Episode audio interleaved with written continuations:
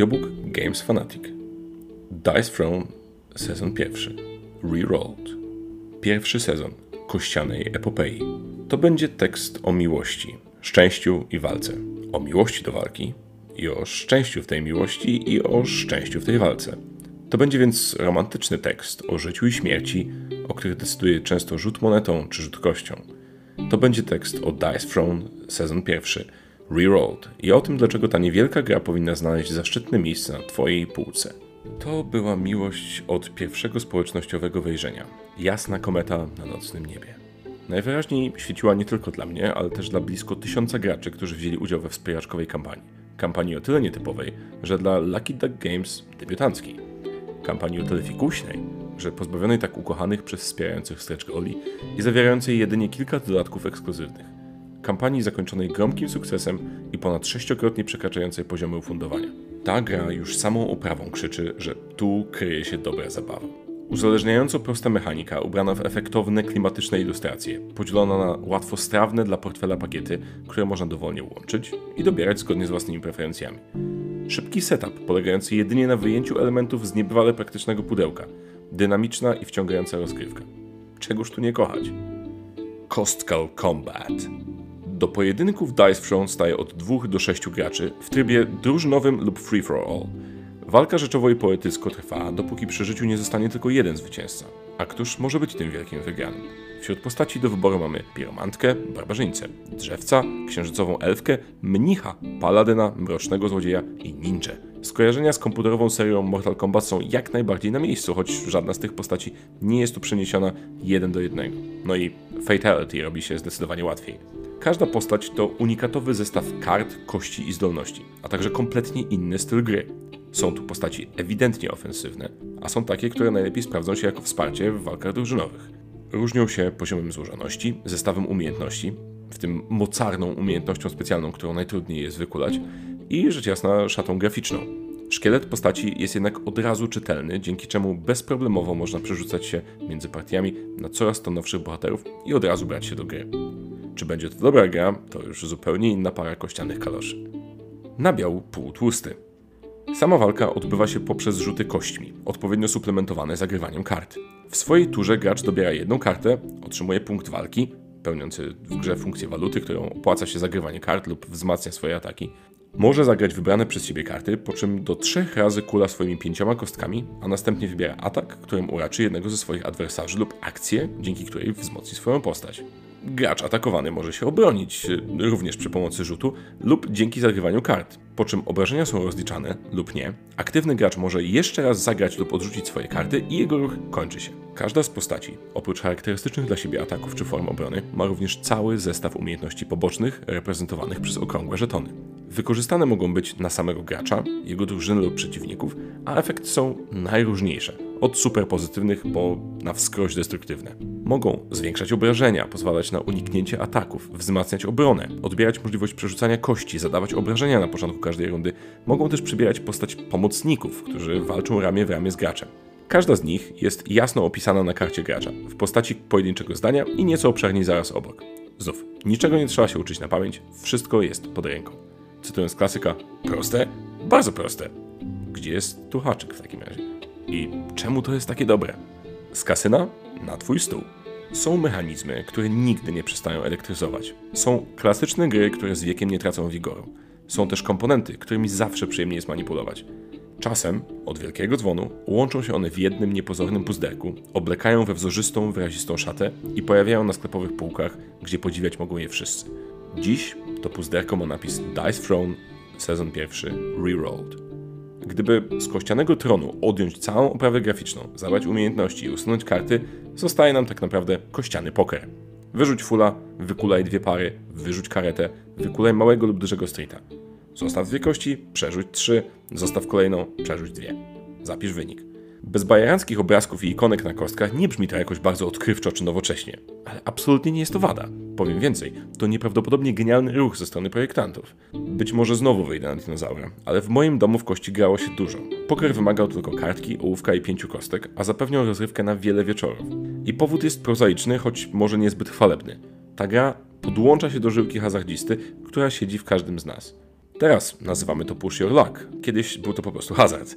I jakkolwiek mroczna nie byłaby ta ryzykancka część naszych umysłów, w przestrzeni nieszkodliwych gier planszowych sprawdza się znakomicie. O ile nie gramy w Dice na pieniądze, rzecz jasna. Rozrywka typu instant. Dice Throne łączy w sobie wiele rzeczy, które gracze lubią i robi to w sposób bezpretensjonalny i nieprzyzwoicie skuteczny. Mamy niewielkie pudełko, w nim dwa jeszcze mniejsze pudełka, a do rozgrywki musimy tylko wyłożyć je na stół. Talia kart, pięć kostek, dwie planszetki i kilka żetonów. Rozłożenie tego zajmuje może 30 sekund, a jeśli ktoś chwilowo zapomniał jak działają wieczka od pudełek. 45 sekund, jeśli liczyć stosowaniem kart. Obsługa gry jest równie szybka. Rozpatrujemy efekty żetonów, otrzymujemy wypłatę, karta i punkt walki. Zagrywamy karty, obieramy cel, kulamy czego dusza zapragnie, używamy tego co los dał, godzimy się z konsekwencjami. Jeszcze raz możemy podziałać z kartami i nasza kultura kończy się. Wliczając nawet bardzo ambitną obronę złożoną z kart, żetonów i kości, tura jednego gracza rzadko kiedy trwa dłużej niż 3-4 minuty. W trybie turniejowym zapewne można skrócić to jeszcze bardziej. Nie ma więc specjalnego downtime'u, a nawet dla nieaktywnych graczy obserwowanie pojedynków jest źródłem dużej frajdy, zupełnie jak obserwowanie innych graczy grających w kasynie. Walka na kilku frontach. Zasadniczym celem gry jest pozbawienie przeciwników punktów życia. 50 przy grze 1 na 1 i nieco mniej w innych trybach. Ciekawie są tu rozwiązane pojedynki typu każdy na każdego, King of the Hill. Przy więcej niż dwóch graczach cel wybiera się samemu, jednak atakowanie gracza o największym zdrowiu jest premiowane dobraniem dodatkowej karty. Z kolei w walkach drużynowych o celu ataku decyduje rzut kością.